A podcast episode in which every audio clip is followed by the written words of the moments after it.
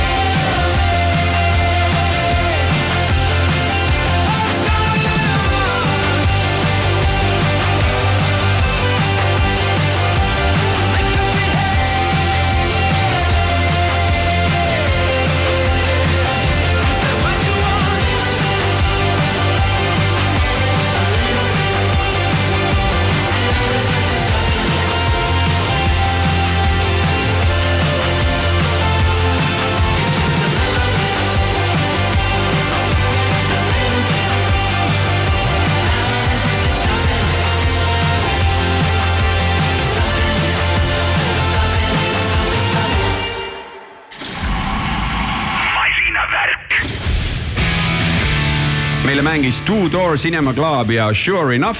täitsa uus lugu, Tanel, jah? on, on muidugi. ja ühes asjas me saame veel kindlad olla, et äh, kohe, homme juba hakkab Saaremaa ralli peale. aga meil on stuudios sihuke mees nagu Henri Rump ja Henri, ma pean su käest kõigepealt küsima, sest et noh, põhimõtteliselt ei ole liiga palju aega möödas, kui sa olid äh, hetk tagasi Tšiilis jah, tahaks öelda isegi, et äh, natukene liiga kiiresti jõudsin siia, et äh, sisuliselt otse lennuki pealt jah. kuidas siis meeleolu oli peale seda, kuidas oli meeleolu Tšiilis siis, kui tundus, et noh seekord on nagu hästi, kas kogu aeg oli väikene nagu kripeldas ja väike mure hinges või? eks äh, teatud määral ikka mingisugune väikene äh, vibra oli sees, kui niimoodi öelda saab, et äh, eelnevad rallid oleme hästi läinud Äh, Otil ja Martinil eelkõige siis. aga seekord sinna minnes kuidagi see meeleolu oli äge. Äh, juba see reisimine värk ja, ja sinna juurde, et äh, selles suhtes mingisugune väike aimdus oli, et võiks nagu kuidagi paremini minna seekord. ja noh, mis, mis siin kokkuvõttes öelda, et läks, läkski päris hästi tegelikult ju. ma kohe selle reisimise juurde tulen ka korra, sest et kui Bex Williams äh, kodunt Inglismaalt Tšiili lennates postitas oma järjest nii-öelda lende, küsisin, et kaua tal äh, läks, tema ütles kolmkümmend neli tundi, mitu tundi sul siis lend sealt ralli Haakust koju tagasi? ma arvan, et äh, sinna minnes oli meil suurusjärk üle neljakümne isegi. aga tagasi tulles läks natukene ludinamal et selles mõttes äh, ikka reisimist on korralikult jah. ja siis on need sõbrad, kes ütlevad, et oi jumala lahe töö, saad reisida ja värki ja maailma näha, istud kuskil lennujaamas. aga tuleme nüüd selle asja juurde, mis meil äh, kohe peale hakkab, Saaremaa ralli, mitmes see on viiskümmend midagi? viiskümmend kuus. viiekümne kuues juba, see on ruttu läinud, mina olen, ma arvan, käinud kusagil kümmet neist äh, vaatamas. kas Saaremaa ralli on ikka ja endiselt oma mõnusas äh, headuses ja metsiku osalejate arvuga? absoluutselt, et ma arvan, et sa ise suure rallifännina tead ka, et äh, kui sa sealt praami pealt maha sõidad rallinädalal, siis tegelikult seal Saaremaal nagu käib mingi sihuke klikk ära et see ralli meeleolu ja vibe, mis seal Kuressaares tekib, et see on tegelikult tunda ka nendele inimestele, kes võib-olla ralliga igapäevaselt seotud ei ole, et see see saar hakkab äh, selles mõttes ralli rütmis nagu hingama ja see on selles mõttes on tohutult, tohutult ägene. Äh, käime üle kõigepealt äh, olulise, ralli ise algab reede õhtul. just, et autost, esimene auto stardib siis poodiumi pealt seitseteist kolmkümmend Kuressaare kesklinnas on see poodium seal ilusasti üleval ja kõik on oodatud sinna, et see on tasuta ja, ja võimalus siis rallimeestele head teed soovida või naelkummi, kes, kes iganes, kuidas sobib. reedesed katsed on ära ja võtame korra selle teise otsa, siis me vahepeal saame veel arutleda nende katsete ja kõige ja muu ja sõitjate teemadel, aga ralli lõpeb siis laupäeva õhtuga ja jälle Kuressaares. just, et äh, eeldame, et esimene auto võiks olla lõpupoodiumi peal umbes kell kuus õhtul ehk siis äh, umbes tunnike varasemalt äh, kui eelmisel aastal, et ma usun, et loodame vähemalt, et paljud nendest on äh, ilusasti lõpupoodiumil ka olemas, aga Saaremaa eripära teades, et siis ilmselt väga paljud on sealt kadunud ka. ma olen ühe korra Saaremaa rallil kaardilugejana saanud osaleda ja Undva katsele me jäime. nii ta kipub olema. see on päris karm. palju kirjas on? täna on kirjas kokku äh, sada seitsekümmend äh, ekipaaži, mis on tegelikult ka maksimumpiir et muidu soovijaid oli äh, sada kaheksakümmend neli pluss üks ehk siis sada kaheksakümmend viis. et tänavu tegime sellega tegelikult ka sellise osalemise huvirekordi, kui niimoodi nimetada saab. et äh, täna kahjuks aja, ajakanal nagu rohkem ei võimalda kui sada seitsekümmend autot, et seal on erinevaid kriteeriume, et äh, alustades siis sellest, et võistlus oleks ohutult korraldatud ja lõpetades siis sellega, et ametnikud, turvatöötajad, kes iganes, et nende päev ka nagu metsikult pikaks ei lähe, kuigi see on juba päris pikk mis võistlusklasse me näeme? veokad on? veokad on olemas yes. ikka, kus, kus me neist pääseme. aga ei, selles suhtes äh, esindatud on ikka selline äh, Eesti ralli äh, klassika.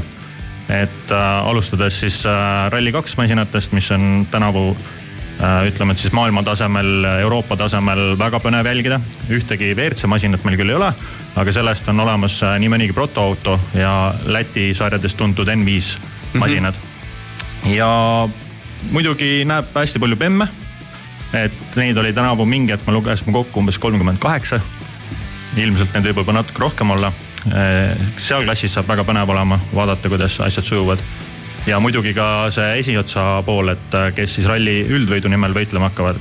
teadupärast äh, Ott Tänak koos Robert Irvesega on ka stardis ja on siis hea näha, et kuidas kohalikud teised nii-öelda tegijad siis hakkavad nendele kandadele astuma või siis juhtub see, et Ott ja Robbie panevad lihtsalt kalendriga kaks saarlast lähevad Saaremaale puhast tööd tegema, no seda me, seda me näeme ja vaatame, sest no tahaks uskuda, et Priit Koik ikkagi, no ma ei tea, Oti oskused muidugi, aga ja Robert on tegelikult kaardilugeja tööd ka päris palju teinud, nende omavaheline koostöö pigem on see küsimus, et kuidas see seal autos sujuma võib hakata, on ju. ja võib-olla natuke sihuke vähetuntud fakt on see, et äh, Robbie on käinud äh, juba kas nüüd just mitu korda, aga ütleme nii, et ta on seal autos olnud omajagu aega. et on Otile äh, Kreeka ralli eelnev, eelnenud äh, testil siis kaarti lugenud terve päeva. et selles suhtes äh, ma usun, et see kooslus seal autos ei saa kindlasti väga sihuke awkward ja võõras olema et nad teavad, mida teha tuleb, aga Robbie jaoks kindlasti saab olema väga äh, väljakutsuv see, et kuidas kaardi lugemisega muu seonduv paika saada, et alates ülesõitudest kuni siis äh, lõpetades äh, ajakaardi jälgimisega ma teeksin siia muusikalise augu sisse ja siis tuleks tegelikult mingisuguse katsete juurde, kuhu oleks põnev minna, mida oleks hea näha ja Tanel, mida me kuulame? kuule, ma küsin eh, sinult. sa küsid, küsi. ja mul on küsimus ka, et eh, üks ja ainus praegu kas eh, sõitjatel on igasuguseid rituaale ja värki, eks ole, mõnel on, mõnel pole.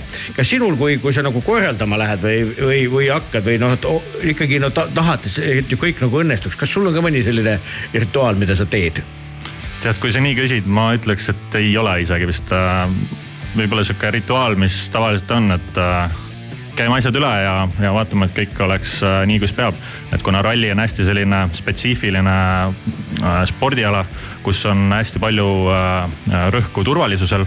et siis see on alati primaarne, et katsed oleksid ohutud ja, ja kõik ohutusega seonduv oleks paigas aga mingit sellist nagu voodoo asja ma kindlasti tegema ei hakka et ei ole sellist puud, kuhu vastu koputama peaks, et ei, veel ei ole kujunenud, aga mine sa tea, võib-olla peaks otsima. 3D risti kuuval sellel täiskuu saatel. küll on aga sihukesel bändil nagu Within Temptation äh, selline rituaal olemas äh, loo näol, mis kannabki nime Ritual, mis just ilmus, nii et, äh, et nendel on sellega hästi, et iga, iga kord enne kui tuurile lähevad või kontserdile, nad kindlasti midagi teevad ja alati õnnestub ka, nagu ka see lugu, mida me kohe kuulama hakkame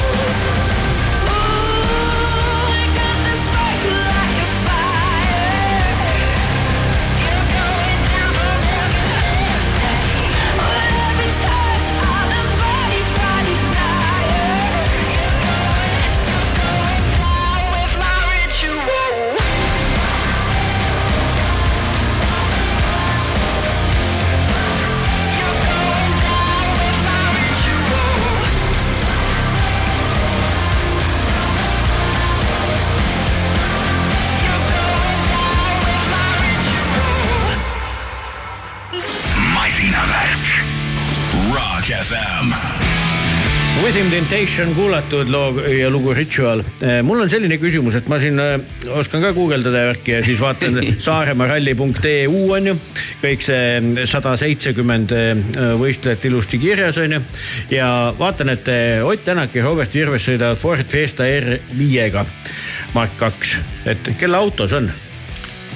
hea küsimus, kusjuures täna ma ütleks, et see auto kuulub Red Gray äh, tiimile. Äh, aga teadupärast äh, Ott on üks suur osanik Red Gray tiimist, nii et võiks Nagu öelda, et see kuulub tööautoga, tööautoga.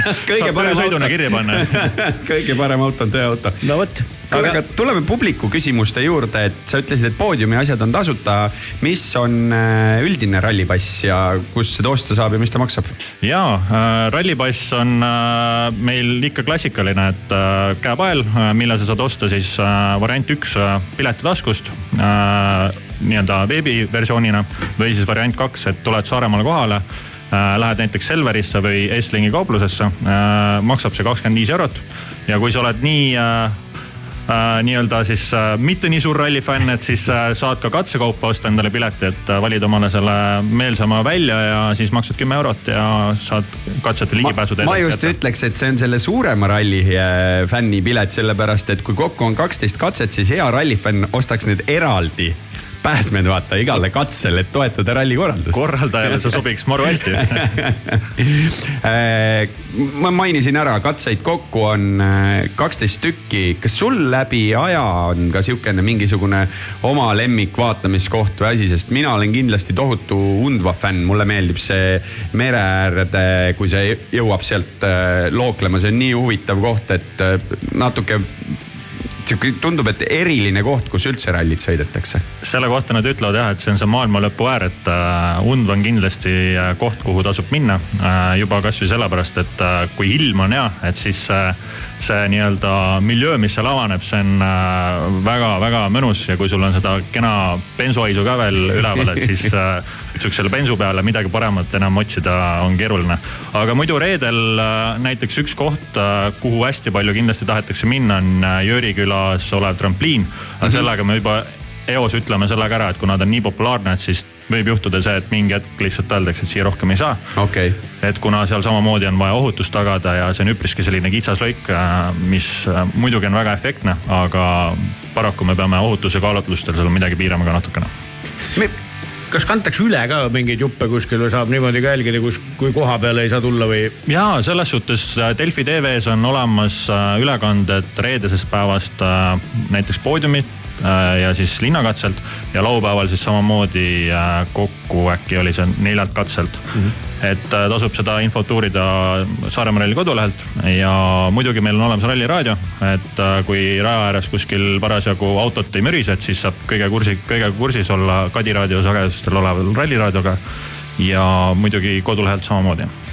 mina tahtsin seda küsida, et äh, katsete nii-öelda info või pealtvaatamiskohad või need kaardid, et kuidas selle kõige lihtsamini, sul on siin ilusti välja trükitud asi kaasas, aga kas on mingit digitaalset versiooni ka nendest? Äh, ja äh, kõige lihtsam on muidugi see, et kui lähed äh, piletit ostma, et siis haarad sealt viie euri eest endale ralli ametliku ajakirja ka kaasa. ja teine variant siis, kui sa paberiusku väga ei ole, tahad säästlikum olla, et siis võta lahti saaremaaralli.eu ja seal on samamoodi katsed ilusasti välja toodud koos linkidega, mis viivad otseselt pealtvaatamiskohtadeni. aga teenelise meelelahutustöötajana ma ikkagi pean küsima, kas Aftekas ka toimub või? Ahteks toimub äh,, ütleks, et äh, kogu Kuressaares, et äh, mingit sellist nii-öelda kindlat kohta meil välja pole kujunenud. Aga, aga ütleme niimoodi siis, et kõik Kuressaare meelelahutusasutused ootavad inimesi hmm.. mina küsin äh, ära veel selle asja, et äh, kui, kui raske on hetkel Eestis ralli korraldamine? Saaremaa ralli on oma järjepidevusega nii-öelda alati eesrindlik äh, olnud, eks seal on ka olnud mingeid kohti, kus ei, ei, jääb juba peaaegu, et noh, et kas, kas tuleb või ei tule, kas äh, on raske leida toetajaid isegi nii spetsiifilisel, nii ägedale rallile nagu see Saaremaa ralli on, kuhu ju tegelikult tuleb ju palju soomlasi kohale, on ju, et ta toob turisti kohale ja eks äh, ralli korraldamine sellest aspektist on hästi keeruline kindlasti, eriti siin viimastel aastatel, kui äh, vahepeal oli siin koroona ja nüüd ta on natukene taastunud. et need kulud on läinud päris äh, massiivseks ja katet sinna peale leida on selles mõttes keeruline, et ma nüüd võtan telefoni ja siis lähen kellelegi müüma, et kuule, et ole hea, et tule toeta, et ma saan sulle midagi vastu anda ralli Eestis on selles mõttes äh, võib-olla natukene paremas positsioonis kui muud spordialad, et äh, see on nii populaarne ja paljuski nagu sellised suurettevõtjad, kes täna ka Saaremaa ralli taga seisavad, et äh, teevad seda puhtalt missioonitundest.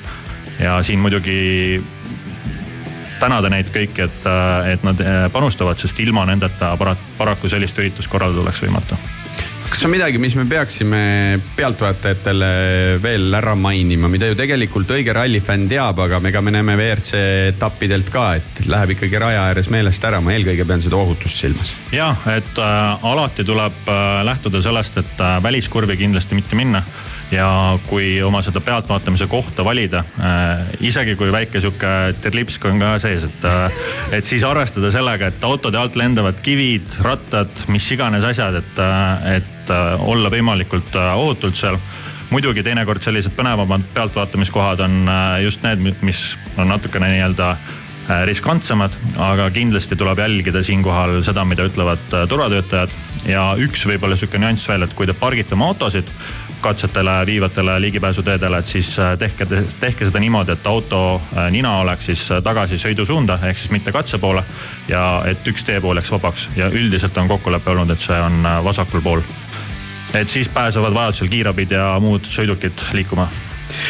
Nonii, mulle jäi siit jutust selline üks äh, kena fraas meelde, et, äh, et see kena bensiinihais, mis seal kuskilt tuleb sealt ühest teatud kohast on ju, ja siis siia lõppu ongi sellise kena bensiinihaisiga lugu valitud, mis peal, kannab pealkirja Fight fire with gasoline kõlab ohtlikult et ühesõnaga üks sihuke sats nagu Self-Deception on sellise nimelise loo teinud ja siia ralli jutu lõpp minu meelest passib kenasti, et.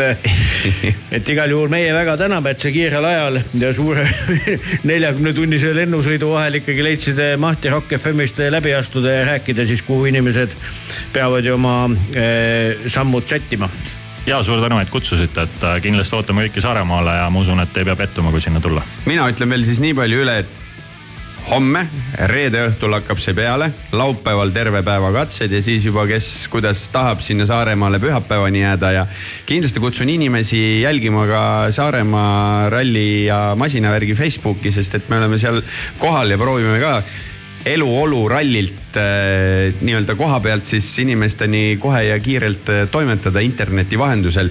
aitäh, Henri ja siis äh, kuidas see oli nüüd, Fight fire with gasoline mm? -hmm. sobilik, aitäh sulle. aitäh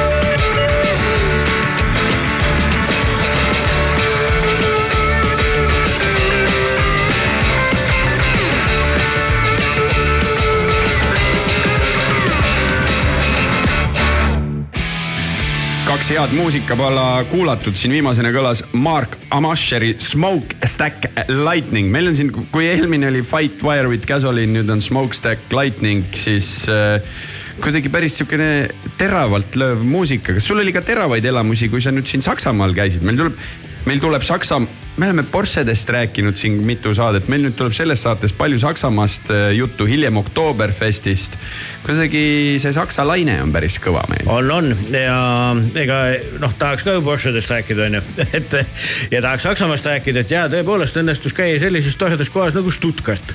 ja muideks seesama tüüp, see Mark äh, Amascher, keda me just kuulasime, esines seal, esines nii, et, et jah, ma koos oma, oma kalli äh, elukaaslasega juhtusin teda nägema. kuigi põhjus tegelikult, miks me läksime, oli selline bänd mille nimi on The Boss Hoss, mis on üks äh, äh, Berliini jõuk, kes juba vaata et mingi kakskümmend aastat jah, kaks tuhat neli alustasid on ju, et äh, et selle bändi pärast nagu saigi mindud, et see oli siis jah, oli sünnipäevakink, sellepärast et ma olin ühe bändi suutnud nagu ühele inimesele nagu nii ägedaks rääkida et ta ütles, et ta peab seda ka nägema.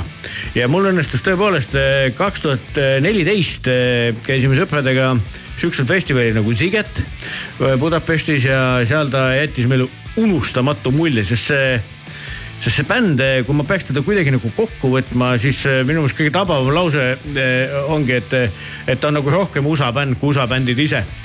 et kogu see imagoloogia, see sihuke kogu aeg sihuke üle võlli niuksed poosid on ju, noh, et seal on kõik nagu umbes mingi Elvis, Johnny Cash, ma ei tea, kõik, kõik nagu need arhetüübid on nagu kokku pandud ja kogu aeg on nagu naljakas ja kogu aeg on nagu show ja kõike seda nagu, nagu, nagu kroonib tegelikult ei miski muu kui super hea pillimänguoskus. et noh, see on alati noh, tahad nalja teha, tead õpi mängima kõigepealt, et, et seda. aga selle, selle selles suhtes nalja tegemine on ikkagi maitsekas, et ta on Oo sihuke viisakas on ju. ei, ta on läbi tekstide ja okay, sihukeste okei, asjade okay. eks ole, noh, see, kuidas nagu eh, noh, kuidas nagu show läheb esimesest laksust nagu lahti, eks ole.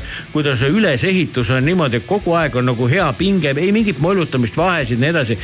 kõik need vahetekstid, eks ole, noh, selge see, et saksakeelsed ja et ma võisin nagu enam-vähem nagu aimata, millest jutt on, eks ole, aga, aga noh, mul on sihuke tunne, et ma sain kõigest aru. lihtsalt nagu nii äge oli, et eh, et ma olen tõesti nagu harva nii vaimustuses milleski, et noh, seda enam, et vaata, kui on üks nihuke hea kogemus nagu ees, siis ta tegelikult võib aastaid hiljem, noh, kaheksa aastat on ju mööda läinud juba. vahest on ju nii, et, et eh, see, mis see hetk oli tegelikult mingisuguste asjade koosmõjuna nagu kihvt on ju. vastupidi, ma sain isegi võib-olla nagu kihvtima elamuse seekord kui eelmine kord, sest eelmine kord oli festivalikontsert ja nüüd nad esinesid eh, üks eh, kellegi nimeline hall, kus oli ka Porsche hall, eks ole, samas hoones loomulikult onju. sest noh, Stuttgart, noh Stuttgart ongi üks suur Porsche ja Mercedes, olgem ausad, Boschi tehas ja noh, tohutult noh, tööstuslinn, eks ole, suur linn. milline see linn ise, suur linn, milline ta siis on, on ta siis, on seal, kui seal ei toimuks ühtegi kontserdi, sa pole autofänn ja ei taha ühtegi muuseumi minna, mis seal linnas siis teha? läbi sõita lihtsalt. ta on ikkagi tegelikult tööstuslinn, loomulikult noh, ega ta on ju ilus, korras, puhas, aga ta on sihuke suur ja seal on palju igasuguseid tehaseid, noh Boschi tehas näiteks ja noh, needsamad autotehased ja igasuguseid tehaseid on seal nagu kõvasti. linn kui selline noh, nagu see nii-öelda linn, linn, linn on äh, umbes seitsesada tuhat on see suurus ja siis nagu see no, koos nagu selle, selle nii-öelda nagu linna piiriga on ta siis mingi kas kaks miljonit millegiga, aga tegelikult nagu seda Stuttgarti kui ala nagu kõike kokku, eks ole, kes siis nagu linnas käib või nii edasi. kas linnas töötab või siis on sellega kuidagi seotud, see on üle kuue miljoni. ja tegemist wow. On siis tegelikult Saksamaa suuruseks kuuenda linnaga. nii et tegelikult ta on ikkagi suurel territooriumil ja selline suurlinn. arhitektuuriliselt ma just tahtsin küsida, on seda niisugust ehtsat Saksamaad? seda on küll, aga seda on teistes linnades oluliselt rohkem, et eh, kasvõi sama München, eks ole, et eh, mille nimel tänases saates veel ju hiljem jõuame, kus oli siis Oktoberfest ja nii edasi, et, et eh, noh, on nagu linnana minu meelest kihvtim on ju, et, et aga, aga ei noh, noh käia on ikka lahe, eks ole, ja seda enam, et noh, ma just jah mõtlengi, et kui keegi mingeid plaane peab, et kui sul on nagu mingi asi, mille pärast nagu minna, siis loomulikult eh, tasub minna ja, ja selge see, et, et eh, nendest muuseumitest, millest me ka kohe räägime, noh, neid on ju seal kaks ja see au ja uhkus ongi siis Porsche ja Mercedes-Benz, eks ole. milles siis Porsches õnnestus käia, et äh, ja, et ühesõnaga äh, reisi sihtkohana spetsiaalselt minnes äh, ma ei tea, ei ole päris kindel, aga kui seal juba olla, ega ta on sihuke korralik Saksa linn aga Saksa mõistes ka kallis linn. et kõik, mis puudutab hotelle võib-olla söögikohti ja nii edasi, üldist eluolu, ta on, ta on pigem ikkagi kallis. et kui sa võid võrdle näiteks kasvõi Berliiniga onju, kus on võimalik ikkagi oluliselt väiksemate kuludega hakkama saada. Okei. näitena, et äh, aga jah, tagasi tulles kontserdi juurde, show kestis äh, umbes kaks ja veerand tundi, mis oli nagu nii paraja pikkusega, et, et ei olnud sihukest tunnet, et oleks nagu vähe olnud ja kindlasti ta nagu ei tüüdanud ära. Koos lisalugude ja igasuguste vimkade ja vigurite ja rahva kaasamisega ja, ja nii edasi.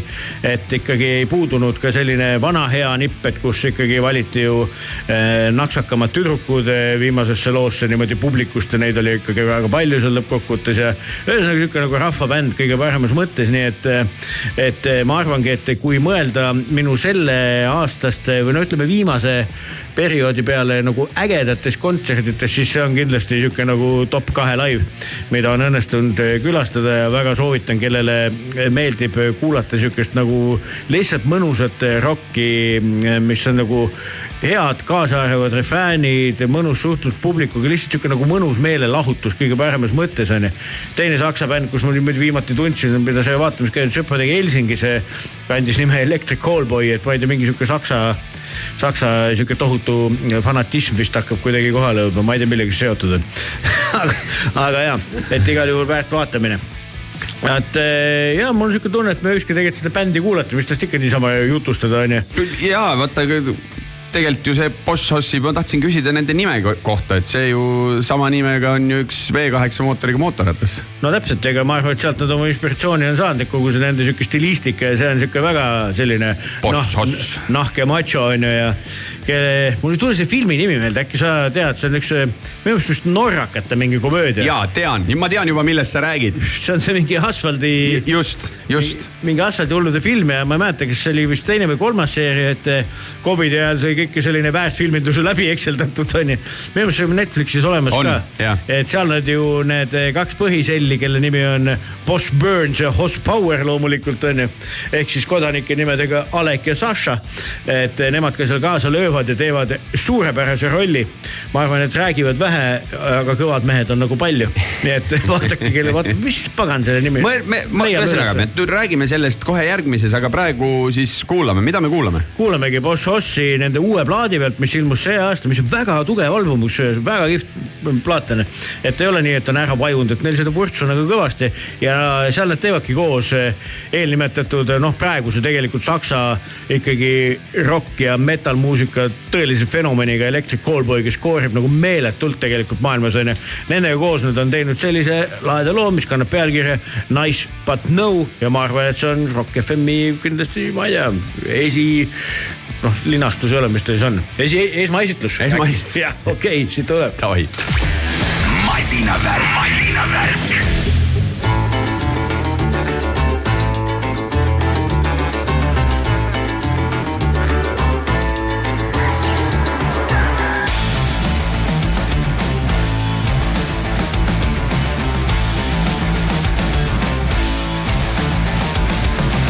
You have a band and you're good to go. It's quite tough, of course, you know. Your folks say, boy, you better find a job because the music biz doesn't pay a lot. It's true and cruel and hard to start, and not about individual art. It's making sense quite a lot. Not. Well, bad baby, nice, but no. Thank you, baby, but thank you, no. Quite good, and maybe I should. But baby, if I would, I could. Well, bad baby, nice, but no. But I leave come for good nice But noise But no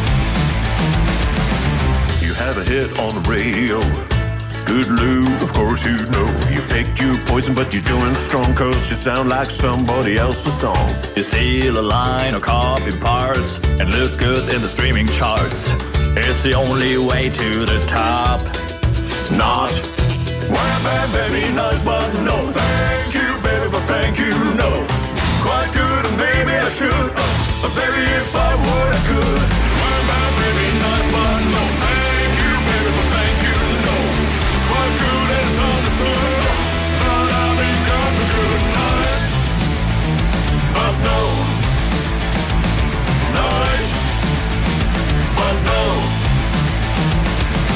Your time, baby, and you're good to go. They don't want you on the radio. So you with them all the songs you made, no. You can't please everybody on your way. So grab your piece of the motherfucking cake, let's go. Just get in the rock. The only thing that your But now, it's gonna hot. Never forget about all the work you've. Let's go. You choose that way, you you came here to stay. You're more to come than to shake hands. But no.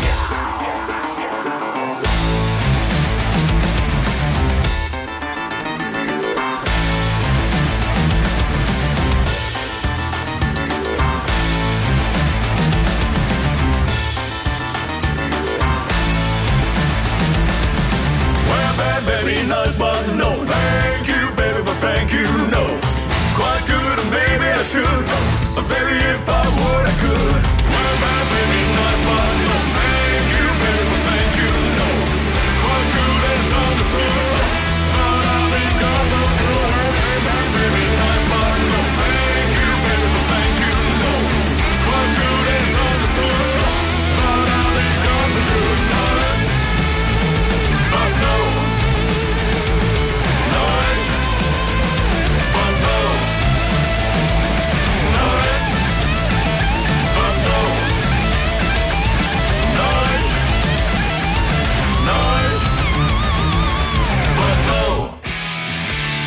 Oli seda tunnet küll, et äh, tahaks seda bändi laivis näha, aga me vaatasime järgi ka. Burning siis äh, Norra selle Ö või O-ga on selle napakate filmiseeriate nimi, mida ma ei tea.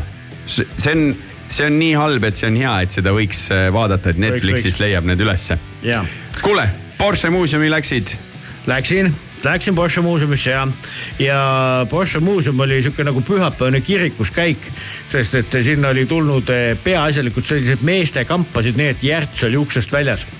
ja kuna järjekord oli uksest väljas ja see oli nagu ontlikutele sakslastele ikkagi tegelikult eh, võib-olla ka mitte väga tavapärane, ohtrate vabanduste saatel müüdi siis eh, kaks piletit ühe hinnaga. et, et see ei ole väga tavaline, öeldi väga-väga sorry selle pärast, see selleks. Porsche muuseum on tõesti selline nagu, nagu religioossete tegelaste koht on ju, et, et käiakse, ma ütlen siuksed meeste, mehed vanuses, ma arvan, mingi nelikümmend pluss, niisuguse punte oli seal nagu silmnähtavalt palju. noh, muidugi oli kõikvõimalikke inimesi, noh kuna oli pühapäev ja ilm ilus ja, ja no seal tõesti tohutult soe on ju inimesed oli kokku tulnud palju, aga, aga noh, ta on ikka selline, seal oli ju variant ka, ma ei vaadanud, palju see maksab, aga maja ees oli noh, mingi kümmekond Porsche't, mida said siis nagu rentida mingist mm., ma ei tea, pooleks tunniks, tunniks on ju, või sealt kuskile paani peale tõmmata. mida kõike on ju, nii et, et seda seal kasutati usinalt on ju, nii et ikkagi mehed eh, täitsid oma unistusi ja said siis vaadata selle väga väärika brändi ajalugu ja, ja neid mudeleid, mida ilmselgelt noh, suure tõenäosusega liikluses ei näe, onju. et, et noh, ajaloost oligi, et kuidas siis kõik see alguse sai ja, ja need esimesed, esimesed autod ja, ja muu taol- taoline. aga eks suur rõhk oli siis tegelikult ikkagi selles muuseumi ülesehitusele kõikvõimalikul võidusõiduga seonduval. et kus siis seda tipptasemel inseneeriat on saanud aastakümnete vältel, eks ole, näha ja kus on siis need saksa insenerid ikka tegelikult kõvasti kõvasti vaeva näinud, et, et, et nii häid autosid nagu teha, et see oli tõesti põnev. ja see oli ka huvitav, kui, kui palju siiski neid, neid erinevaid mudeleid on suudetud, suudetud eh, ikkagi aja jooksul toota.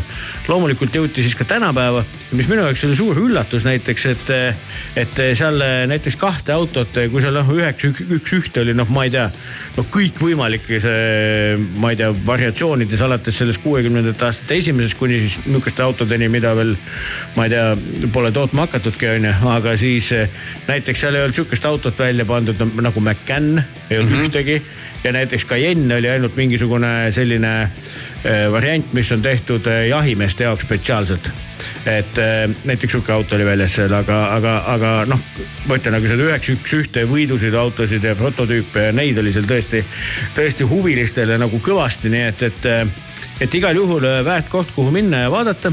kihvt maja on ehitatud äh, sellise spiraali kujuga, liigub nagu kogu aeg nagu ülespoole, et, et selline nagu sihuke pikk teekond on ju, et sa ei pea nagu noh, ma ei tea, trepist või liftiga nagu minema, et, et huvitava arhitektuuriga maja on ka, nii et kuhu siis need autod on äh, välja pandud, et äh, et eh, iga, igal juhul, et eh, vähegi autohuvi on, siis eh, soovitan ja kui mingi tõsine petrolhead ei ole, see on ikkagi tore vaatamine, et, et just, et maja arhitektuuriliselt ja eks need autod on ju ka ilusad silmale.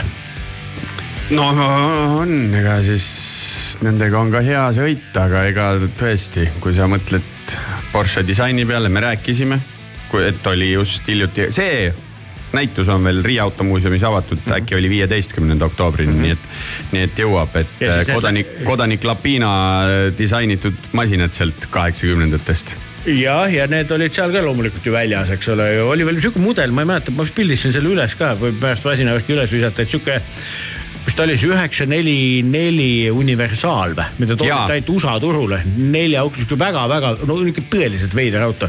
nihuke veits sihuke James Bondi mingisugusest seitsmekümnendate hullust filmist tundus, et on, onju.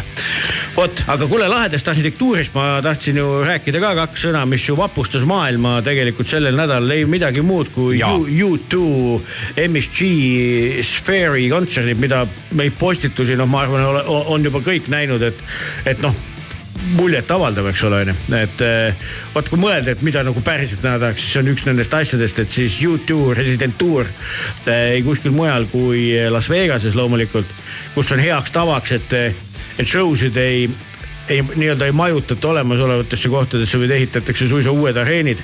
spekulatsioon on ju palju, palju see maksma on läinud, see Sphere, aga kõige ulmelisem number, mida ma olen kuulnud, on kaks miljardit dollarit. kirjeldame seda nüüd natukene vaatajatele ka, sest viimane asi, kus keegi midagi ise tegi, mitte küll Las Vegases, aga London ja APA. On ju, sarnaselt mõnes mõttes. no ja. nemad tegid hologrammi teemat, aga nüüd U2 on tõesti, ma vaatasin neid mingisuguseid videosid, asju, mis siin äh, hulkumas on. muidugi tahaks minna, aga no ei, kuidagi ei klapi. ja no ei klapi, aga üks asi, mis veel ei klapi, on ju, et noh, selge see, et ega need piletid sind väga ei oota. täna nagu tšekkisin, et mis variandid nagu oleks, noh kui nagu päriselt saaks piirideta mõelda ja hüppaks lennukisse, lendaks kohale, on ju noh, põhimõtteliselt on veel võimalik osta üliodavaid pileteid, mis ilmselt nagu noh, selles, ma ei tea, venues võib-olla kõige odavam, mis ma leidsin, oli kolmsada üheksakümmend dollarit. aga niisugune normaalne pilet on ju, kus näed hästi ja kõik on okei okay,, maksis kolm tuhat kaheksasada seitsekümmend daala et seda show'd näha. sa tead, palju sinna inimesi mahub või? kusjuures ei tea, ma seda ei... kaheksateist tuhat kuussada, ma mingi hetk tšekkasin. no teeme kiire matasid sellest keskmisest hinnast et, et ilmselt ikkagi. ehituskulud tuleb ruttu tagasi võtta. oo oh jaa, ja noh, suure tõenäosusega seda noh, ma ei mäleta, palju neid välja oli praegu kuulutatud, et ega kui meestel vähegi tervis vastu peab, et ju neid ikka pannakse juurde. oleks loogiline, sest noh, kui me meenutame kasvõi no kõige pikem, mis on olnud, oli Celine Dion, eks ole mm. -hmm. enne seda vist oli Elvis on ju. Elvis oli enne. aga noh, Elton Johni, Backstreet Boysid, ise käisin vaatamas kahe aasta pikkust. Killers. jah kes kasvas sealt välja tegelikult. ta on Las Vegase bänd, ta on reaalselt Las, noh, tema hakkas tegelikult klubides pihta, seal noh oli. ja, aga noh, ta kasvas sinna Las Vegase suurte lavade peale nii-öelda eh, püsiesinejaks, et tegelikult tuli siis sealt välja suure nii-öelda rahvusvahelistele areenidele onju. just, mina käisin vaatamas näiteks kaheaastast residentuuri Jennifer Lopezil, mis oli MGM kasiinos ja oli ka väga-väga kihvt vaatamine, eks ole. meil on siin resident DJ-d. jah, neil on resident esinejad, aga seoses selle tervise asjaga muideks on ju ka tegelikult eh, huvitav fakt, eks ole, et kui guugeldada, siis kõigil on ju see küsimus, et aga kes trummi mängib, sest ju Larry Mulligan Jr ütles, et, eh, et tal tervis ei pea vastu, et tema seda pulli kaasa ei tee, noh metsik maht, mis neil seal on, ma vaatasin, osa on isegi päevase vahega need kontserdid. ja mängib üks sihuke huvitav tüüp, kelle nimi on Bram Van Den Berg, kellest ilmselt laiem avalikkus ei teagi midagi. ja huvi pärast täitsa nagu vaatasin, et mis mehega on tegu, jah, Hollandi dude on ju. ja, ja mänginud põhimõtteliselt ainult ühes Hollandis, noh niisuguses suhteliselt kuulsas bändis, mis kannab nime Gretsip ja that's it on ju. kuidas need teed kokku läksid, mis seal taga on, ma ei oska öelda, et uurime juurde, aga, aga selline äge fakt on ju. nii et tegelikult eh, võtamegi selle rännaku Saksamaalt Las Vegasesse ja Hollandisse kokku siis sellesama bändi, mis kannabki nime Gretsip, looga Beautiful Ride, mis seal. pea, peaaegu nagu Beautiful Day on ju. ja, ja siis eh, peale siis väikest pausi kuulame ka sedasama U2 tegelikult verivärskelt kahekümne üheksandal septembril ilmunud lugu, mis kannab nime Atomic City. ja me läheme edasi siit väga põnevate motojuttudega otse Ukrainast. masinavärk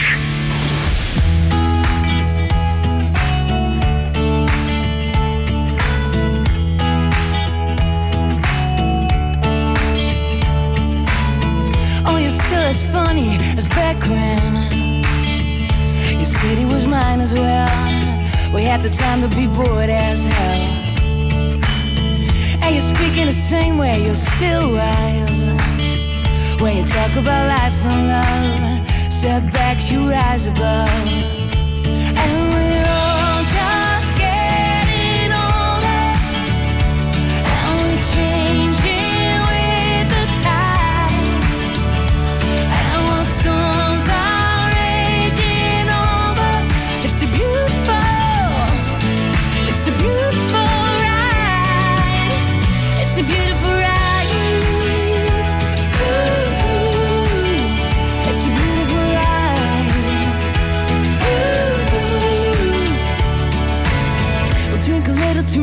Shed a couple of tears.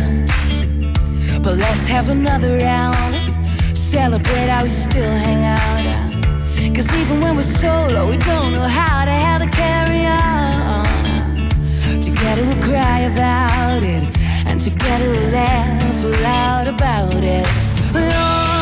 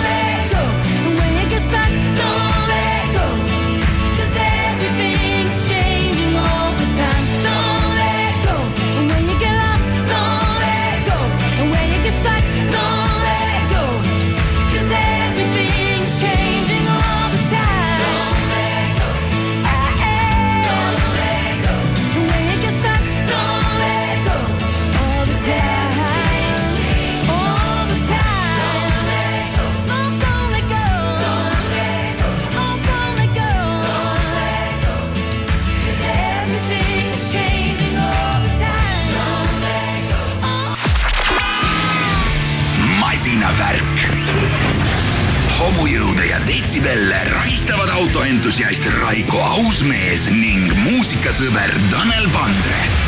masinavärk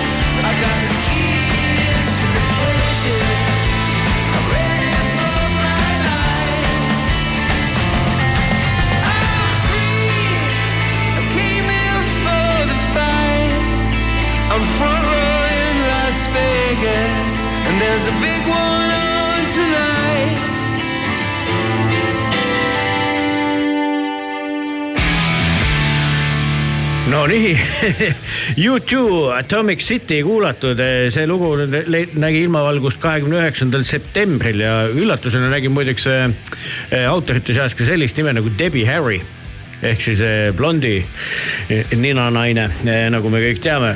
aga igasugustest huvitavatest kohtadest me hakkame praegu rääkima ei kellegi muu kui palavalt armastatud motoentusiasti, matkaja ja suure BMW au ja uhkuse ja südametunnistuse Heino Junolaisega, tervist. tere. kurjad keeled, naised saunas, kes iganes räägivad sellist juttu, et, et sa tulid kuskilt mujalt kui GS-kapilt Ukrainast. peab täiesti paika, jah. Kui suure seltskonnaga käisite ja, ja räägi siis GS-kapist inimestele ka, kes sellest midagi ei tea. Ehm, väga hea meelega ja ühelt poolt nagu au nagu rääkida sellest äh, kapist üldse ja sellest, et Ukrainas käidud. ja teine, et äh, eks see avardab ka meie kõikide silmi BMW mootorrataste kasutamise võimalustest, tema potentsiaalist, ressursist üleüldse ja loomulikult äh, sellest, et kuidas nagu ise arened ja kuidas su enda sõiduoskused selle peale arenevad. aga tõsi on jah see, et meid kutsuti eh, kutsuti siis BMW Motorradi klubi ja BMW Motorradi esindust Ukrainasse. nagu ka paljude teiste naaberriikide esindusi sinna sellest eh, võistlusest osa võtma. ja lõppeks siis ta küll päädis sellega, et oligi Eesti-Ukraina maavõistlus. et olime siis ainult meie siit Eestist viiekesi Eesti meie enda Motorradi klubist neli meesterahvast, üks naisterahvas ja osalesime siis äh, sellel üritusel nagu GS Cup Ukraine, mida nad korraldavad juba aastast kaks tuhat. ja, ja teevad nad äh, seda iga aasta kaks korda. ja samal ajal on see siis ka Ukraina enda meistrivõistluste üheks etapiks. nii et ukrainlased on väga tõsiselt äh, tegelevad just eriti selliste mammutmootorrataste, mootorratastel sõitmisega ja, ja, ja siis ka võistlemisega nendel. aga veel nii palju taustaks, et see, see GS Cup ei ole lihtsalt nende endi välja mõeldud, vaid see tuleneb siis sellest suurest sarjast GS Trophy, mida siis BMW Motorrad ise korraldab iga, iga kahe aasta tagant ja millel siis osalevad eri riikide, suurriikide võistkonnad Nad näevad tõsiselt palju vaeva selleks, et sinna üleüldse pääseda. noh, meiesugustel väikestel Baltikumi riikidel on sellisel CS Trophile suhteliselt võimatu pääseda. Ukrainal on see võimalus olemas ja see ongi nende eesmärk, et ühel aastal jõuda siis riigi esindusega CS Trophile ma selles mõttes oli praegu hea, et paneme järgmise muusikapale, siis küsime teise küsimuse siis Heino räägib järgmised kolm minutit. umbes kolmele-neljale küsimusele sai kohe esimesega vastuse, sest tegelikult ma tahtsingi teada, et kas sinna saab nii minna, et ma võtan mingi veebilehe lahti ja registreerin, aga ma saan aru, et tuli lausa erikutsega siis jah, nendel on niimoodi, et nad päris äh, igale individuaalselt neid ei saada. küll nad teevad siis läbi äh, siis motorraadi eri riikide esinduste või siis motorraadklubide, aga nad muidugi eelistatult teeksid siis läbi motorraadi riikide esinduste. palju, palju kokku võistlejaid oli?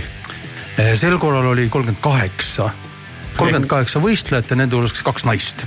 ehk siis kolmkümmend neli olid Ukrainast? kolmkümmend kolm oli siis Ukrainas, kui teid oli viis. aga kas siis põhjuseks oligi siis tõesti see, et, et ikkagi noh, tegemist on ju selles mõttes, et vähemalt siinpool küll kriisikoldega number üks ju tegelikult täna, et kas see siis nagu määras kogu seda osavõtjate nimistut? No vot, ega meie nende käest, kes ei tulnud, ei saa küsida, et miks nad ei tulnud. küll me ilmselt noh, võime ainult eeldada seda, et, et mingisuguse või Ukraina näol kriisikoldega tegemist on. sõjapiirkonda sattuda võib olla natuke niisugune ettearvamatu nende jaoks. aga võtamegi siit selle, selle sõnajärje nagu üle, et, et, et piir kui selline on ju lahti selles mõttes, et jah, et kommenteeri seda ka, ma arvan, see on paljudele põnev. ja piir on täielikult lahti, et, et seal nagu mingit probleemi selles ei ole. tavapärased tolliformaalsused Äh, ja, ja siis piiriformaalsused äh, passiga ületades, Eesti passiga ei ole sul ka äh, viisat vaja. ja tolliformaalsused seisnevad siis selles, et sa pead oma rattad või siis muu transpordivahendi, millega sa parasjagu sinna lähed, pead siis sisse deklareerima selleks, et pärast välja sealt saada. just nimelt, et nagu selles mõttes on täiesti tavaline piiriületuskord ja mingeid erisusi, eks ole. mitte mingeid erisusi. ja teie panite siit siis oma pundiga nii-öelda siitpoolt mööda maad jugama sinna tegelikult äh, me seekord lahendasime selle sedapidi, et äh, me võtsime suure treileri mm. ja oma neli ratast panime treilerisse ja siis me sõitsime selle treileriga siis sihtpunkti välja, Ukrainasse välja mm.. see koht, kus see asus, oli taga, taga Karpaatides ja, ja, ja siis sinna võistluspaika kohe otse välja oma treileriga, seal me laasime rattad maha. tagasi jah, me tulime, osad tulid maad mööda mis see eluolu selles mõttes, et kui palju te läbi selle Ukraina sõitsite, paistis kuskilt hirmsat sõda ka siis või? nojah, ega vaata Ukraina on nii suur, et. just, no mõtlengi. et kui me mõtleme selle peale, et noh, meie siit Eestist minnes tuhat viissada kilomeetrit selleks, et sinna koha peale jõuda, siis Ukrainas nii mõnigi osavõtja oli seal tuhande kilomeetri kauguselt Ukrainast endast. nii et, et noh, me võime nende mastaapide arvestada ja ega siis sõda on ju Ida-Ukrainas. ja küll oli seal osavõtjaid, oli ka, seal salata, oli ka sõjapiirkonnast. nii et, et ka need osavõtjad Ukrainast endast äh, olid siis üle terve Ukraina, seal Harkovist, Kiievist äh,, Odessast, Donetski oblastist suisa et oli, oli ka noh, üle Ukraina jah kui rääkida nüüd võistlusest, et kuidas siis eh, selle kestvus, pikkus, raskus, et eh, kuidas sa selle kokku võtaks? et võistlused ise kui sellised toimuvad kahel päeval. esimene päev on individuaalvõistlused ja individuaalvõistluste sees on siis, noh, peame arvestama, eks ole, seda, et, et mootorratas see oma raskuses kakssada viiskümmend kilo pluss sõit ja kolmsada kilo kokku. et nüüd seda seal maastikul väänata, no tükk jagu tegemist, noh, see ei ole kerge, eks ole, mootorratas. ja seetõttu ka need võistlusülesanded, mida seal individuaalvõistluse korras tehakse või sooritatakse, need siis koosnevad erinevatest harjutustest et eh, sinu võistluse etteaste koosneb neljast etapist ja iga etapp koosneb omakorda kuni neljast erinevast ülesandest.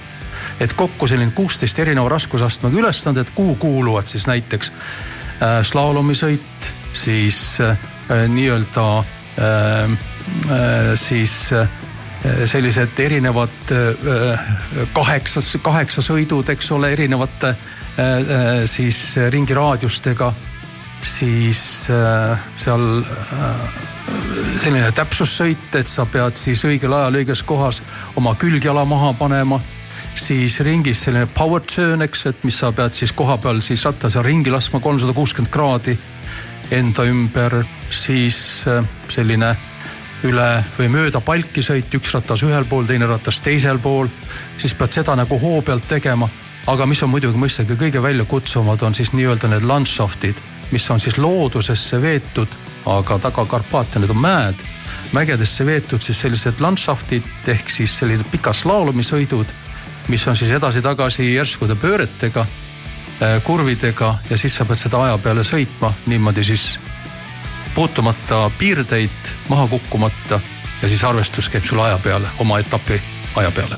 sa mainisid siin Taga-Karpaatide maalilisi vaateid, teemegi ühe siukse eh, pildinimelise loo siia vahele, et eh, kaks sellist eh, meistrit nagu Elton John ja Eddie Vedder on mitte väga ammu aega, aega tagasi kirjutanud sellise loo, mille nimi ongi Picture ja räägibki siis eh, maalilistest vaadetest ja muust taolisest. kuulame muusikavale ja jätkame Heinoga siis Ukraina teemadel edasi.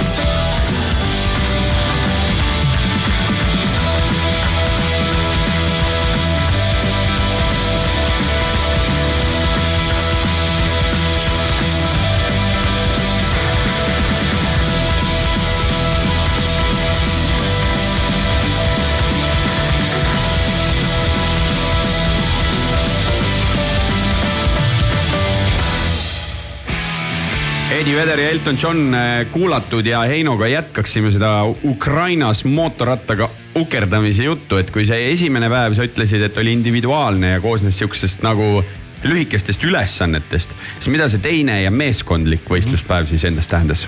no teine päev tähendas nüüd seda, et esimese päeva tulemuste põhjal siis juba kõikide tulemuste põhjal siis tehti järgmiseks päevaks meeskonnad. Ja meeskonda siis valikuliselt võeti siis äh, neli, neli võist-, võistlejat sealt eestpoolt, keskelt ja siis tagantpoolt ja siis pandi need võistkonnad kokku. ja võistkondade ülesandeks oli siis nüüd juba meeskondlikult koos läbida jällegi need landšaftid, no päris pikad olid sellised noh, kuskil seal viisteist, kakskümmend minutit kestsid nüüd aeglast ukerdamist, eks ole, mööda mägesid. ja, ja siis sealt edasi järgnesid siis ülesanded siis äh, juba rehvi tõukamised, eks ole, siis plokkpiduriga, et sa pidid rehvi sisse sõitma, siis seda edasi tõukama plokkis piduriga. siis sa pidid vaate enda eest tõukama siis nagu tasakaalu peale esirattaga, eks ole. Ja, ja siis kõige lõpuks oli siis ka ammulaskmine, eks ole, siis kui sa juba üdini läbi olid, siis sa pidid ammu laskma, ammu laskma siis äh, selle oma viieteist või kahekümne meetri pealt, ma ei mäletagi ja siis lõpptulemus jälle siis siis see pandi kokku ja siis kõige lõpuks veel, kui see läbi oli, siis pidid see võistkond siis aja peale vahetama ka esiratta ja siis äh, esirattaga seal selle garaaži jooksma, pärast garaažist tagasi äh, siis äh, tooma, uuesti esiratta alla panema ja ja, ja siis äh, see summeeriti kõik kokku. no nüüd on põletav küsimus, kuidas läks Um, jah, noh vaata, kui individuaalvõistluses, siis ma arvan, et me ei saa võrrelda ennast ukrainlastega, nemad tead nädalas vähemalt kaks korda trenni ja mõneval, mõnel on see väga motivatsiooni küsimus, eks ole mm. -hmm. et me peame, ma loodan, et me hiljem saame rääkida ka natuke Ukraina elust, olust endast, et miks need inimesed seal koos on ja mida nad teevad. aga trenninud nad teevad kõvasti. et meie oma sellise kogemuse pealt ehk sellise mägedes sõitmise kogemuse pealt läksime ilma eriharjutusi tegemata. aga ma arvan, et me olime tublid, me Eesti lipp marki me täis kindlasti teinud. et meil kõige parem tulemus individuaalselt oli üheksas, Artur No, no, väga Hästi. Kimm mina ise olin kuueteistkümnes, aga see kindlasti ei vastanud minu enda sellistele tegelikele kogemustele, noh päev otsa seal kõrbemis kolmekümne kraadises päikeses ja siis sõitma hakata. noh, oli üksjagu tegemist. aga võistkondlikult äh, meil oli siis äh, Sergei Keller ja Artur Kimm olid siis kolmanda koha saanud meeskonnas ja teistel läks seal mõnevõrra halvemini, aga me oleme kõik tegelikult hästi rahul nende tulemustega. kuule, mina, mina ütlen, et juba see on äge, et kui ükski teine ri- riigiklubi või esindaja ei tulnud kohalegi ja Eesti lipud viidi sinna, siis tubli saavutus.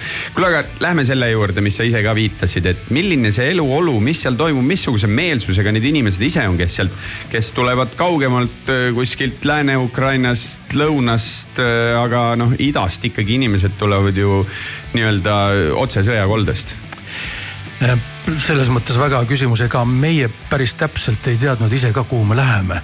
Et me teadsime, et mis meid ees ootab võistluse mõttes, aga mis meid nagu tervikuna selliste inimeste ja koosolemise mõttes ees ootab, me ei olnud nagu päris nagu valmis selleks. ja see, mis meid ees ootas, see meid tõeliselt üllatas. me jõudsime nagu koju. meid võeti siiralt ja väga hästi vastu ja, ja kui nüüd nendest endist, et eks ole, et kuna seal kolmekümne kaheksast kolmkümmend kuus olid meessõitjat, nad on ju kõik täie tervise juures, täie tugevuse juures. miks nad siis rindel ei ole? aga nendel kõikidel, nad kõik on reservis, riigist nad välja ei saa. ja see võib-olla siis põhjendab ka seda, et miks nad siis trenni teevad hästi palju. aga see on nende ainukene väljaelamise viis mingil moel ja miks nad tulevad ühest või väga kaugetest Ukraina erinevatest kohtadest kokku, taga Karpaatias, sõites tõesti seal tuhat kilomeetrit võib-olla selleks, et kohale jõuda ja mitte üksi, vaid perekondadega. Nende jaoks on see koht ja võimalus tulla välja oma igapäevasest elust olust. ja sõjast ei räägita mm. Nad tulevad puhkama ja, ja see, mis sealt välja siis kumas ja ka jutus välja tuli, aga me tahame elada nii, nagu teie elate mm. -hmm. aga miks me peame seda sõda endaga kaasa tooma? see sõda närib ja häirib meid iga päev. me elame nagunii siin sees ja see ei ole nüüd küll koht, kus me peaksime tulema seda elu, igapäevast elu endaga kaasa tooma. Me tuleme siia teiega võistlema ja siis olid näpud taevas me võistleme koos. see, on tegelikult väga hea suhtumine, sest et mõnes mõttes olles ka siin äh, kohapeal omal ühe või teise sõbraga rääkinud, siis äh, eestlanegi ütleb, et "Mm, väsinud noh, teed uudised lahti, ikka seesama asi ja see kestab ja kestab ja nagu me oleme siin arutanud, et naiivne, kui me mõtleme, et see nüüd homme kõik äh, läbi saab, aga inimesed vajavad nagu sihukest mingit hetke rahu või puhkust. no meil on üks tegelikult ju näide, üsna värske näide ju ka, et mis tegelikult ju mentaalsus korras hoidis, noh, et kui me tõesti ei saanud, noh, see ei ole võrreldav näide, aga serva pealt siiski, et kui olid ju suhtlemisvõimalused ja tegutsemine ju piiratud, on ju. ka täpselt, et kellel sport, eks ole, ma ei tea, jooksmine, mis iganes on ju ja, ja seesama mootorrattasõit väga paljudel, kaasa arvatud mul endal hoidis ikka kupli nagu korras, on ju, et et ma pole kunagi, noh, Covidi ajal oli vist minu rekord tsikli väljaajamisel, et vaatasin, et juba vist saab, noh, kuigi õues oli loetud arv kraade, onju. aga tundus, et on tegelikult okei okay,, onju. et ühesõnaga, et, et see on kindlasti üks ju tegevus, mis ju aitab mõtte mujale viia, eks ole, et see on ju selgemast selge, onju. sest üks asi, et noh, mehed on reservis, hoiavad ennast vormis, mingi hetk neid võib-olla suunatakse rindele, aga mingi trenni tegemine või see aga see kõik hoiab sind äh, nagu hästi sõnastasid, kupli all äh, korras noh. Aga see noh- mentaalne pool tegelikult, see on palju raskem ju ja mingitel hetkedel. see, see nagu kohati häirib iseennast, et sa, sa tead, kus piirkonda sa lähed mm. -hmm. sa nagu tahaksid rääkida, eks ole, sellest. ja kui sinuga tegelikult ja sa noh, teed ka mingeid provokatiivseid, nii-öelda viisakaid provokatiivseid katseid, siis sellega lihtsalt ei minda kaasa sinuga. Ja pigem see jutt läheb ikkagi spordi peale, see jutt läheb mootorrattasõidu peale, see läheb kõige muu Lae. peale. kui see, et, et, et rääkida sõjast ja ütlesin ka seal lõppeks siis, kui selliseid viisakuskõnesid, tänuavaldusi sai esitatud, et kodus ma ärkan igal hommikul Ukraina uudistega. ja see on esimene kord see nädal, mis me seal kohal olime, kus ma kordagi ei vaadanud neid uudiseid, sellest ma, seepärast ma olen seal Ukrainas, ma olen seal elu sees. ma näen seda hoopis teisest küljest ja tõesti see tagantjärgi oligi see, et või see ütlemine, et me tahame elada nii nagu teie. me tahame olla vabad, aga me saame selle ükskord, ärge muretsege ja see oli hea kuulda. kas teil jäi nagu võimalus seal ringi vaadata rohkem ka kui pelgalt seal kontserdi, kontserdi võistluskohas või, või et saite, saite tu- tutvuda mujal eluoluga ka?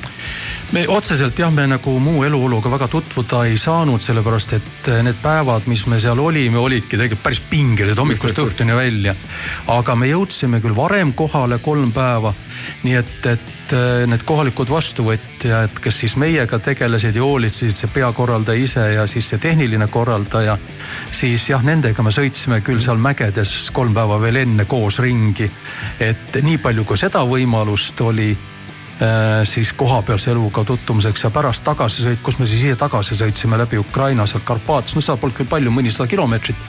aga noh, sellele vaatamata sa näed ümbruskonnas, mis toimub.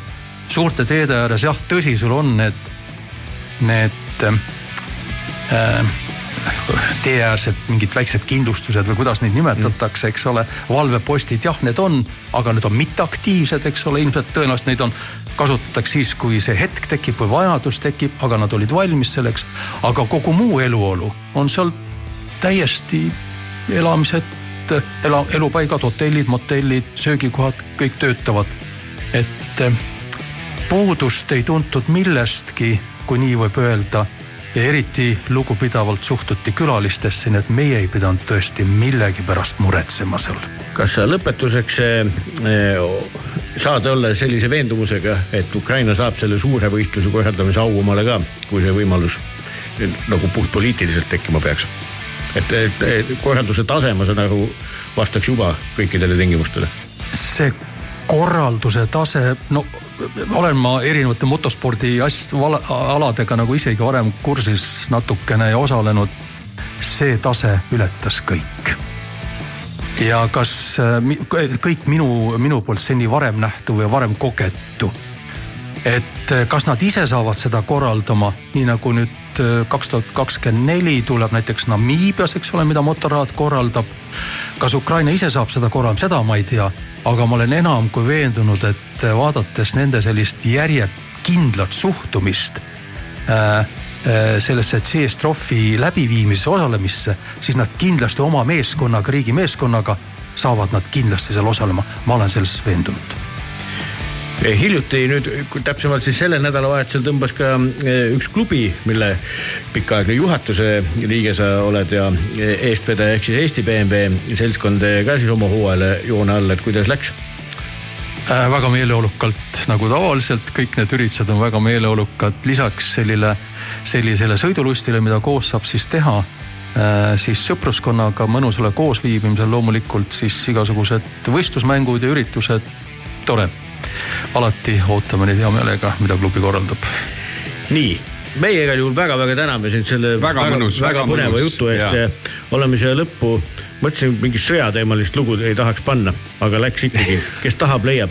loo pealkiri on Landmine, aga see on Sum 41-i tä- täiesti uus lugu, nii et, et äh, ühesõnaga võtame lihtsalt selle lõbusa postpunkiliku loo siia Ukraina loo lõppu ja igal juhul veel kord tänud tulemast ja loodame, et, et see võitlusvaim tänu sellistele ägedatele tegevustele seal ikkagi ei kao mitte kuhugi ja, ja kõik läheb lõppkokkuvõttes ikkagi nii, nagu minema peab. ehk siis hästi, aitäh. aitäh sulle. Aitäh kutsumast. And I don't wanna believe that maybe this is the end. I know you're kind of a tease, but is this really pretend? Something tells me I'm wrong. With you, I never can tell. The way you drag me along, the way I put you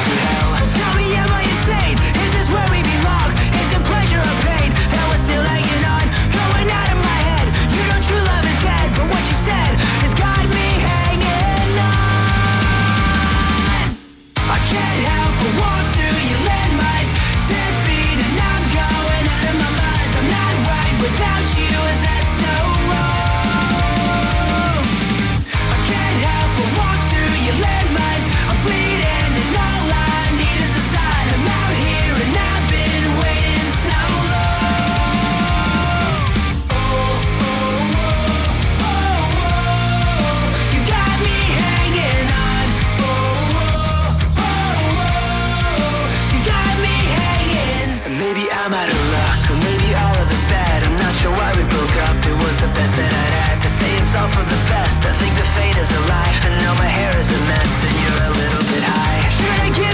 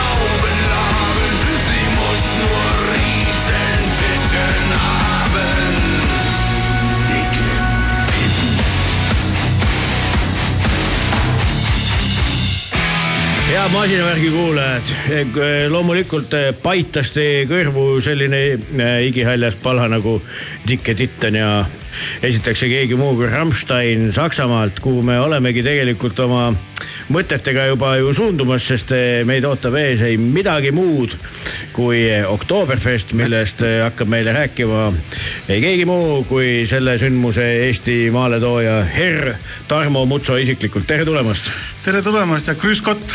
just, Krüs Kott, muidugi, õige, õige. Tarmo, teist korda sellises formaadis ja suures formaadis Oktoberfest ja noh, Saku Suurhall, Unibet Arena, kes kuidas veel kutsub. eelmisel aastal käisin uskumatult äh, meeleolukas, kuidas siis äh, ütleme, laudade müük läinud on?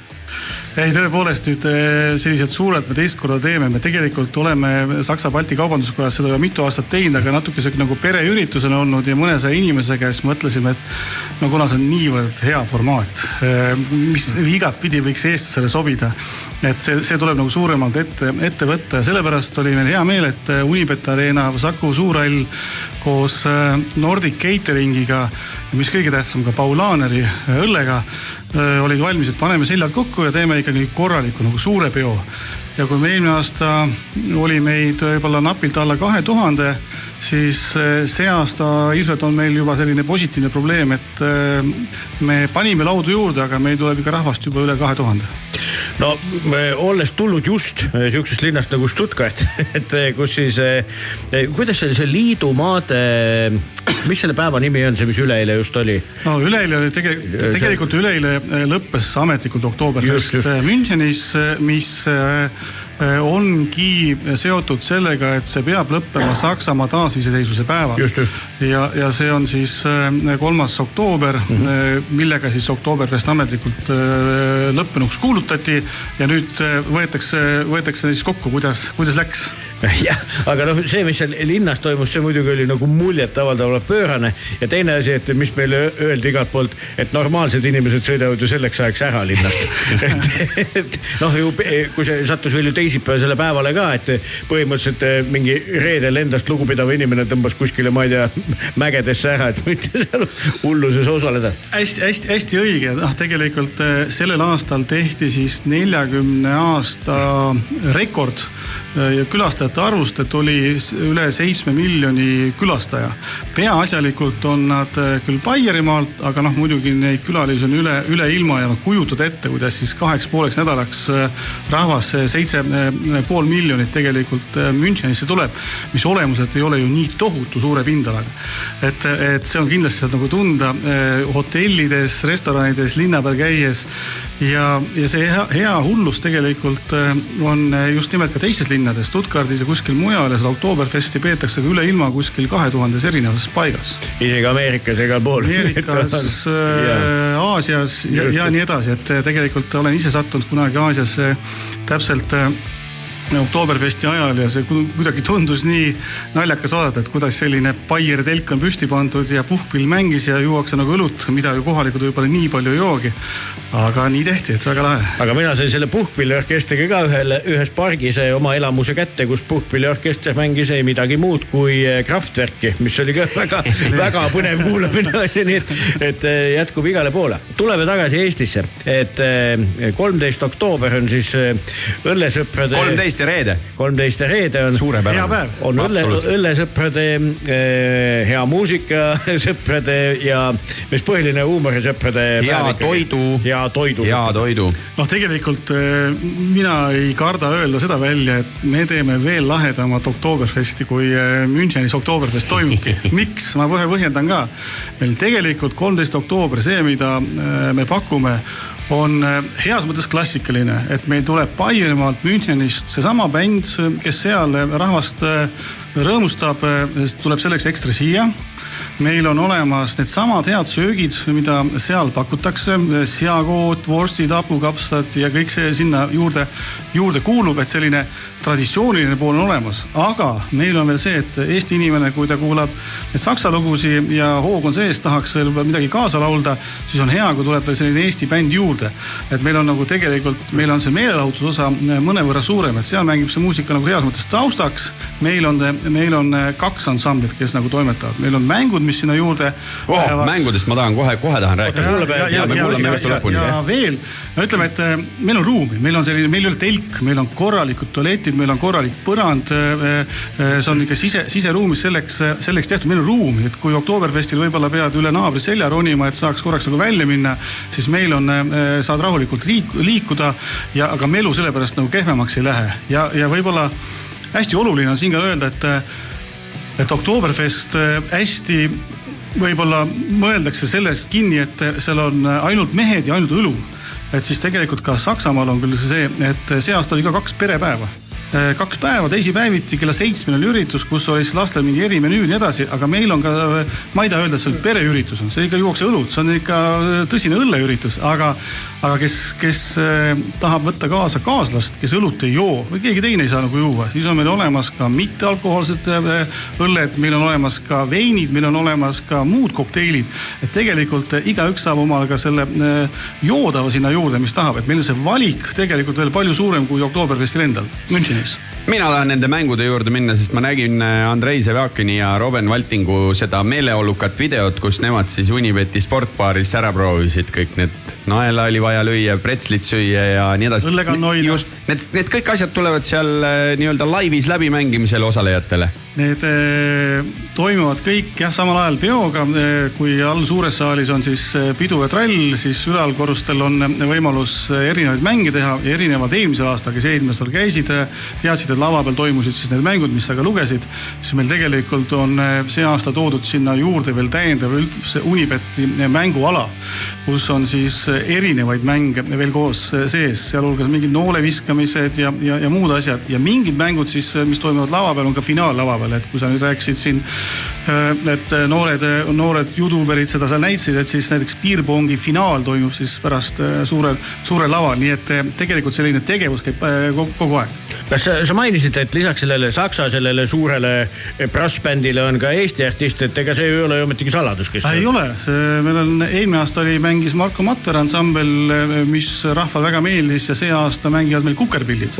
ja ma arvan, et see on täpselt sama, sama puhas kuld, nii et millele osatakse kaasa laulda ja hoiab meeleolu üles ja sobib siin hästi. ja ühe teise Eesti raadiojaama pealik, tuntud trakside kandja ja Baierimaa ja mägede austaja, DJ Kristo Rajasaare on siis see, kes pärast vastu ööd inimeste tuju veel üleval hoiab. oi, see mees on omas elemendis, ma ütlen. ta saab oma need püksid jalga tõmmata Eks- eks-, lederhosenid. eks me kõik, muideks näppisin eh, Stuttgardis neid pükse ka onju. et eh, öeldi, et mees, sul on veits valed püksid, et õiged hakkavad seal ikka mingisugusest sellisest tuhande viiesajast eurost pihta onju.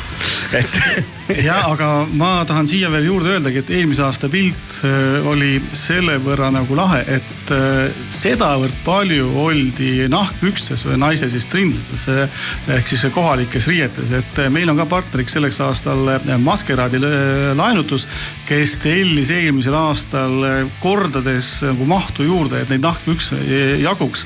ja see aasta on neid juurdegi tellinud, sest ta arvestab sellega, et tõepoolest need kaks tuhat inimest, üle kahe tuhande tulevad ja uurivad ka nende käest, kas saavad riideid, riideid laenata ja me tegelikult ka kohapeal saab ausalt öeldes ka neid osta, nii et see, see pilt on äh, väga kihvt äh, ka visuaalselt.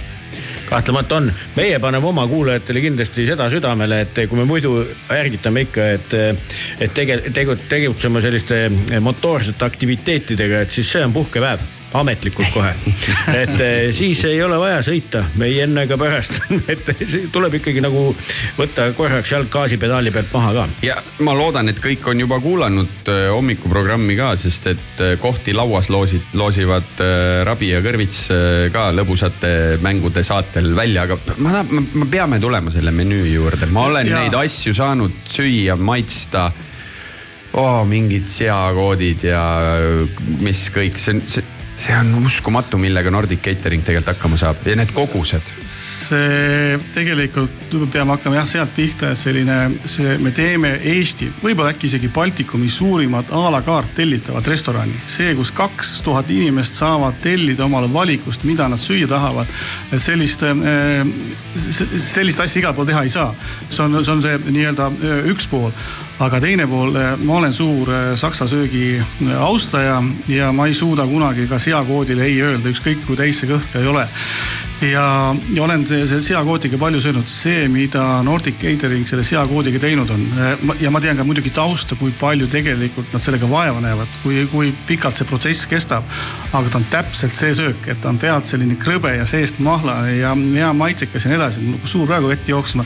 super head söögid ja loomulikult ka kõik need eh, muud traditsioonilised saksa, saksa vorstid ja eh, salatid, aga tegelikult jah, me pakume seal eh, lisaks heale õllele, noh, mis on ka ju nii-öelda see originaal Paulaneri äh, Oktoberfestiks pruulitud õlle koos teiste äh, õlledega on siis ka see hea, hea söök, mis sinna juurde läheb, et see on tegelikult äh, just see kvaliteet, mida ka seal peol pakutakse. mina oskan siia jutu lõppu öelda seda, et kolmteist oktoober, kui sa veel, hea kuulaja, ei ole selle peale mõelnud, siis nüüd on viimane aeg, sest kui sa tahad mingi sõbra seltskonnaga minna, siis ega neid laudasi on tõesti väga üksikud äh, alles. niisama üksikpileteid ju saab ju ka soetada. üksikpileteid saab äh, soetada Piletileviga äh, kaudu ja, ja laudu saab ka ja need kohad tegelikult on saalis niimoodi paigutatud, et mina ei julge öelda, mis koht on hea või halb, kõik kohad on head ja lõppkokkuvõttes meeleolu seltskond lauas teeb selle peo, nii et kõik on head. ega need, kes ei näe ju, lähevad ju laua peale. ja seda oli ka eelmine aasta, vot see on üks Oktoberfesti võlu mis kell seitse tehti uksed lahti tehakse Ja pool kaheksa oldi juba põhimõtteliselt laua peal. jah, et see oli tõesti niisugune väga ebaeestlaslik, aga väga tore ju, et kuule, meie väga täname ja tegelikult ei, ei jõua ära oodata, millal saab jälle lederhosenitelt tolmu maha lüüa, et eh, tunnistan, ei ole peale eelmist aastat kordagi jalga pannud, aga raudselt mahuvad, mul on sihuke õllekõhu varu seal. tasub, tasub pingutamist igal juhul jah, kolmteist oktoober on kõik äh, teretulnud. ja siia lõppu kuulamegi sihukest nime, nime, lugu, mis kannab nime Oktoberfest, leidsin sihukese loo, Lonely Spring, Rocki lugu. aitäh tulemast aitäh.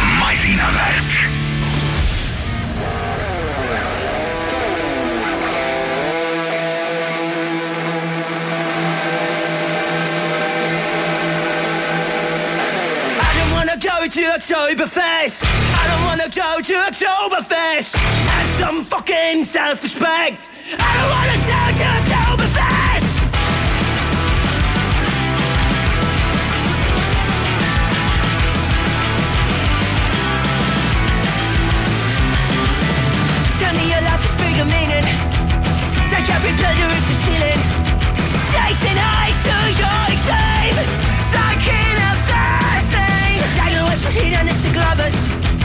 Suckers for a night out on the cover. Sex and lust and dopamine. Sucking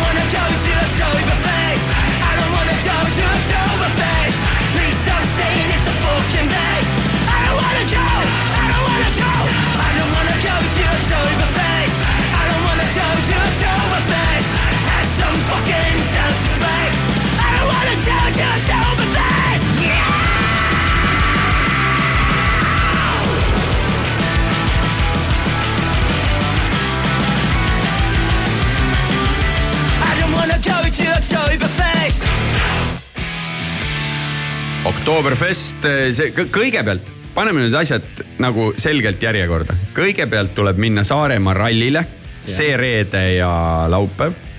siis võtad nädala, käid tööl, puhkad natuke närve ja siis tõmbad nihukese möllu lahti Unibet Arenal Oktoberfestiga, et noh, homset pole. Javool. Javool, just. nii see kõik hakkab juhtuma.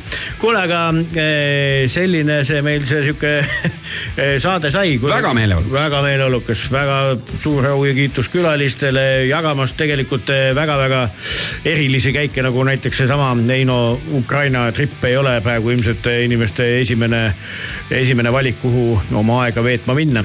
et, et äge, et siukseid asju tehakse ja äge, et, et räägitakse asjadest nii, nagu need on. et eh, ühesõnaga ja, et me oleme siin päris palju vihjeid andnud, millega oma aega sisustada, onju. ja mul on lõppu äh, sulle üks küsimus küsi. äh,. no muidugi siit saab meile sihuke vaata sihuke saatelegend nagu rallisõitjatel on ju, kus on sul paar vihjet muidugi juba olemas, aga, aga kui äh, see on sihuke numbri küsimus. et äh, kui läbi aegade üks edukamaid nagu sellest hetkest, kui oli ajast, kui veel plaate nagu müüdi oli äh, Michael Jacksoni Thriller, eks ole, noh, see on maailmas kõige edukam nagu läbimüügiga plaat olnud. et eh, mis võis olla teine plaat? üleüldse. Pink Floyd, jaa, sest eh, oli Pink Floyd. Oli vä? jaa, oli küll jah, aga oskad sa öelda numbrit, palju seda müüdud on? kakssada midagi miljonit. Kakssada miljonit selles mõttes on eh, peaaegu et õige vastus, et kakssada kolmkümmend viis miljonit plaati on Pink Floyd oma eksistentsi vältel kokku müünud. Okei. aga, aga nüüd esikohal on kusjuures Queen on ju, mitte Michael Jackson isegi, no rokkbändidest. Aga, aga mis konkreetne album see võis olla, mis, mis, mida müüdi, ma ütlen sulle ette, seda on raske välja mõelda.